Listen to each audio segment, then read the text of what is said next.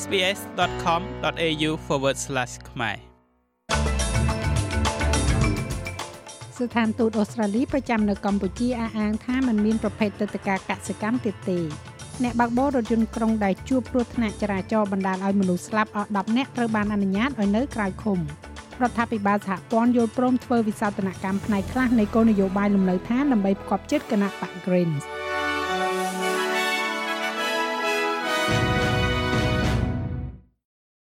ស្ថានទូតអូស្ត្រាលីប្រចាំនៅកម្ពុជាកាលពីរសៀលថ្ងៃសុក្រទី9ខែមិថុនានេះបានចេញនូវសេចក្តីណែនាំមួយនៅលើបណ្ដាញសង្គម Facebook ផ្លូវការរបស់ខ្លួន ស្ដីអំពីករណីឆបោកទឹកធការនៅក្នុងសេចក្តីណែនាំនេះស្ថានទូតអូស្ត្រាលីប្រចាំនៅកម្ពុជាបានបញ្ជាក់ថា ខ្លួនបានដឹងអំពីស្ថាប័ននិងបុគ្គលមួយចំនួន ដែលអះអាងថាអាចជួយសម្របសម្រួលទឹកតការក្រោមគម្រោងទឹកតការកសិកម្មអូស្ត្រាលីដែលបានគ្រោងទុកស្ថានទូតបញ្ជាក់ថាកម្មវិធីទឹកតការកសិកម្មអូស្ត្រាលីលែងស្ថិតនៅក្នុងដំណាក់កាលរៀបចំទៀតហើយហើយបច្ចុប្បន្ននេះមិនមានប្រភេទទឹកតការកសិកម្មទៀតទេ សូមប្រយ័ត្នចំពោះការផ្សព្វផ្សាយពីស្ថាប័ននិងបុគ្គលមួយចំនួន ដែលខ្លែងបន្លំថាអាចជួយសម្រួលទឹកតការប្រភេទនេះបាន។នៅក្នុងប្រទេសអូស្ត្រាលីវិញអ្នកបើកបររថយន្តក្រុងដែលដឹកភ្ញៀវទៅចូលរួមពិធីមង្គលការមួយដែលជួបប្រទះនៅគ្រោះថ្នាក់ចរាចរណ៍នៅតំបន់ Hunter Valley បណ្ដាលឲ្យមនុស្សស្លាប់អស់10នាក់នោះត្រូវបានអនុញ្ញាតឲ្យនៅក្រៅឃុំ។ បរិះអាយុ58ឆ្នាំរូបនេះបានបង្ហាញខ្លួនមួយផ្លេតនៅចំពោះមុខតុលាការក្នុងតំបន់ Cessnock ក្នុងរដ្ឋ New South Wales នៅថ្ងៃអង្គារទី13ខែមិថុនានេះប៉ូលីសបានចោទប្រកាន់ថាគាត់បានបើកបរលឿនពេកហើយបាត់បង់ការគ្រប់គ្រងរថយន្តនៅមុនពេលដែលមានគ្រោះថ្នាក់ចរាចរណ៍នេះកើតឡើង លោក Brad Andrew Button ត្រូវបានចោទប្រកាន់10ករណីនៃការបើកបរគ្រោះថ្នាក់បណ្ដាលឲ្យមានមនុស្សស្លាប់និងមួយករណីនៃការបើកបរធ្វេសប្រហែសបណ្ដាលឲ្យមនុស្សស្លាប់មនុស្សសរុបចំនួន25នាក់ត្រូវបានបញ្ជូនទៅកាន់មន្ទីរពេទ្យដោយមានទាំងរបួសស្រាលនិងធ្ងន់បន្ទាប់ពីរថយន្តក្រុងដែលដឹកភ្ញៀវចេញពីពិធីមង្គលការនេះវិលត្រឡប់ទៅទីក្រុង Singleton វិញហើយក៏បានក្រឡាប់ មានមនុស្ស14នាក់កំពុងសម្រាប់ព្យាបាលនៅមន្ទីរពេទ្យដោយមាន2នាក់នៅក្នុងបន្ទប់សង្គ្រោះបន្ទាន់អ្នកទាំងអស់គ្នាសុទ្ធតែជាអ្នកដែលទៅចូលរួមពិធីមង្គលការដោយគេជឿថាក្នុងចំណោមនោះមានមនុស្សជាច្រើនគឺជាសមាជិកក្រុមបាល់ទាត់អូស្ត្រាលី Singleton Roosters ក្នុងពេលជាមួយគ្នានេះរដ្ឋាភិបាលសហព័ន្ធបានយល់ព្រមធ្វើវិសោធនកម្មផ្នែកខ្លះៗនៃគោលនយោបាយលំនៅឋានរបស់ខ្លួនដើម្បីផ្គប់ចិត្តគណៈបក Greens ប៉ុន្តែពួកគេនៅមិនគ្រប់គ្រងសេចក្តីព្រៀងច្បាប់របស់រដ្ឋាភិបាលនេះទេគណៈបក Greens បាននឹងកំពុងតែទប់សេចក្តីសម្រេចរបស់ពួកគេចំពោះការគ្រប់គ្រងសេចក្តីព្រៀងច្បាប់ពាក់ព័ន្ធទៅនឹងលំនៅឋាន ដែលមានតម្លៃ10,000លានដុល្លារ Housing Australian Future Fund នេះពួកគេកំពុងទាមទារឲ្យមានមូលនិធិដោយផ្ទាល់ចំនួន2500លានដុល្លារផ្ដល់សម្រាប់លំនៅឋានសមរម្យនិងផ្ទះរដ្ឋក្នុងមួយឆ្នាំមួយឆ្នាំ ហើយនឹងមានការបង្កកថ្នាក់ជាតិទៅលើកម្រិតនៃការដំឡើងថ្លៃជួល។ឥឡូវនេះរដ្ឋាភិបាលបានយល់ព្រមដំឡើងការកម្រិតលើការចំណាយហើយបានធានានៅការទូទាត់ថេរចំនួន500លានដុល្លារក្នុងមួយឆ្នាំ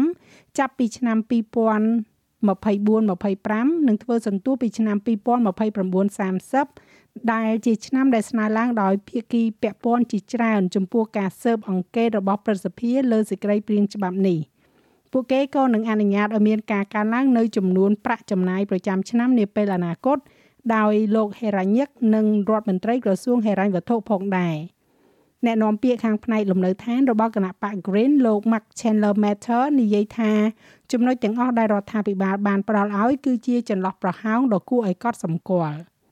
ចំណែកឯព័ត៌មានមួយទៀតពាក់ព័ន្ធជាមួយនឹងមេដឹកនាំគណៈបកប្រឆាំងលោក Peter Dutton និយាយថាសាធារណជនអូស្ត្រាលី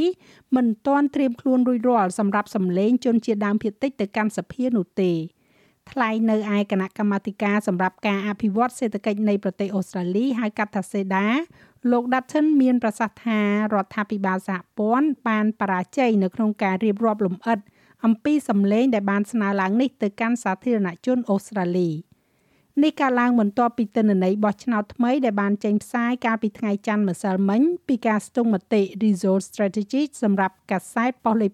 9បង្ហាញថាការគ្រប់គ្រងសម្លេងជនជាតិដើម បានធ្លាក់ចុះក្រោមសម្លេងភាគច្រើនជាលើកដំបូងដោយធ្លាក់ចុះពី53%ទៅ49%នេះជាខែទី3ជាប់ជាប់គ្នាហើយដែលអ្នកបោះឆ្នោតបានដោះដូររេចុះរេឡើងចំពោះសំណើក្នុងការស្ទង់មតិនេះ លោក Dutton និយាយថាលោកជឿជាក់ថាការគ្រប់គ្រងសម្លេងនេះនឹងកាន់តែយ៉ាប់យ៉ឺនជាងនេះទៀត។ចុងក្រោយនេះបុរសម្នាក់ត្រូវបានចោទប្រកាន់ពីបទឃាតកម្មនៅរដ្ឋអូស្ត្រាលីខាងលិចបន្ទាប់ពីការស្លាប់របស់មន្ត្រីប៉ូលីសវ័យក្មេងម្នាក់លោកប៉ូលីស Anthony Woods អាយុ28ឆ្នាំបានស្ថិតនៅក្នុងស្ថានភាពសន្លប់មិនដឹងខ្លួន ហើយក្រោយមកក៏បានស្លាប់បន្ទាប់ពីមានគ្រោះថ្នាក់ចរាចរណ៍បើកបុកហើយរត់នៅទីក្រុង Perth លោក Woods បានតាមដានរថយន្តមួយគ្រឿងដែលគេចោទថាពាក់ស្លាកលេខដែលលួចគេនៅភូមិខាងកើតទីក្រុងនេះនៅម៉ោងប្រហែលជា1ព្រឹកថ្ងៃប្រហ័សលោក Regan Ashley Chon ត្រូវបានចោទប្រកាន់ពីបទល្មើសជាច្រើនរួមទាំងការប្រព្រឹត្តទង្វើដែលមានបំណងរារាំងដល់ការចាប់ខ្លួនដែលបង្កឲ្យមានរបួសធ្ងន់ធ្ងរដល់រូបរាងកាយនិងការបើកបរមិនប្រុងប្រយ័ត្នដើម្បីគេចវេះពីប៉ូលីស ចំណែកឯអត្រាប្តូរប្រាក់វិញ1ដុល្លារអូស្ត្រាលីមានតម្លៃប្រមាណជា67សេនកន្លះដុល្លារអាមេរិកត្រូវនឹង2800រៀលប្រាក់រៀលខ្មែរ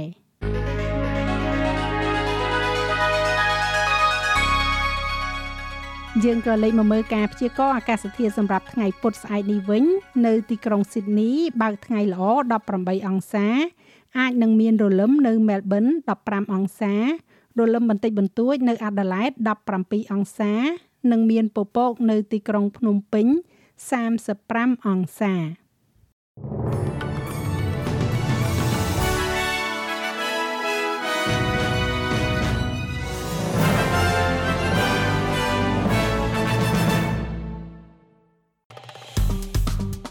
ចុច like share comment និង follow SPS ខ្មែរនៅលើ Facebook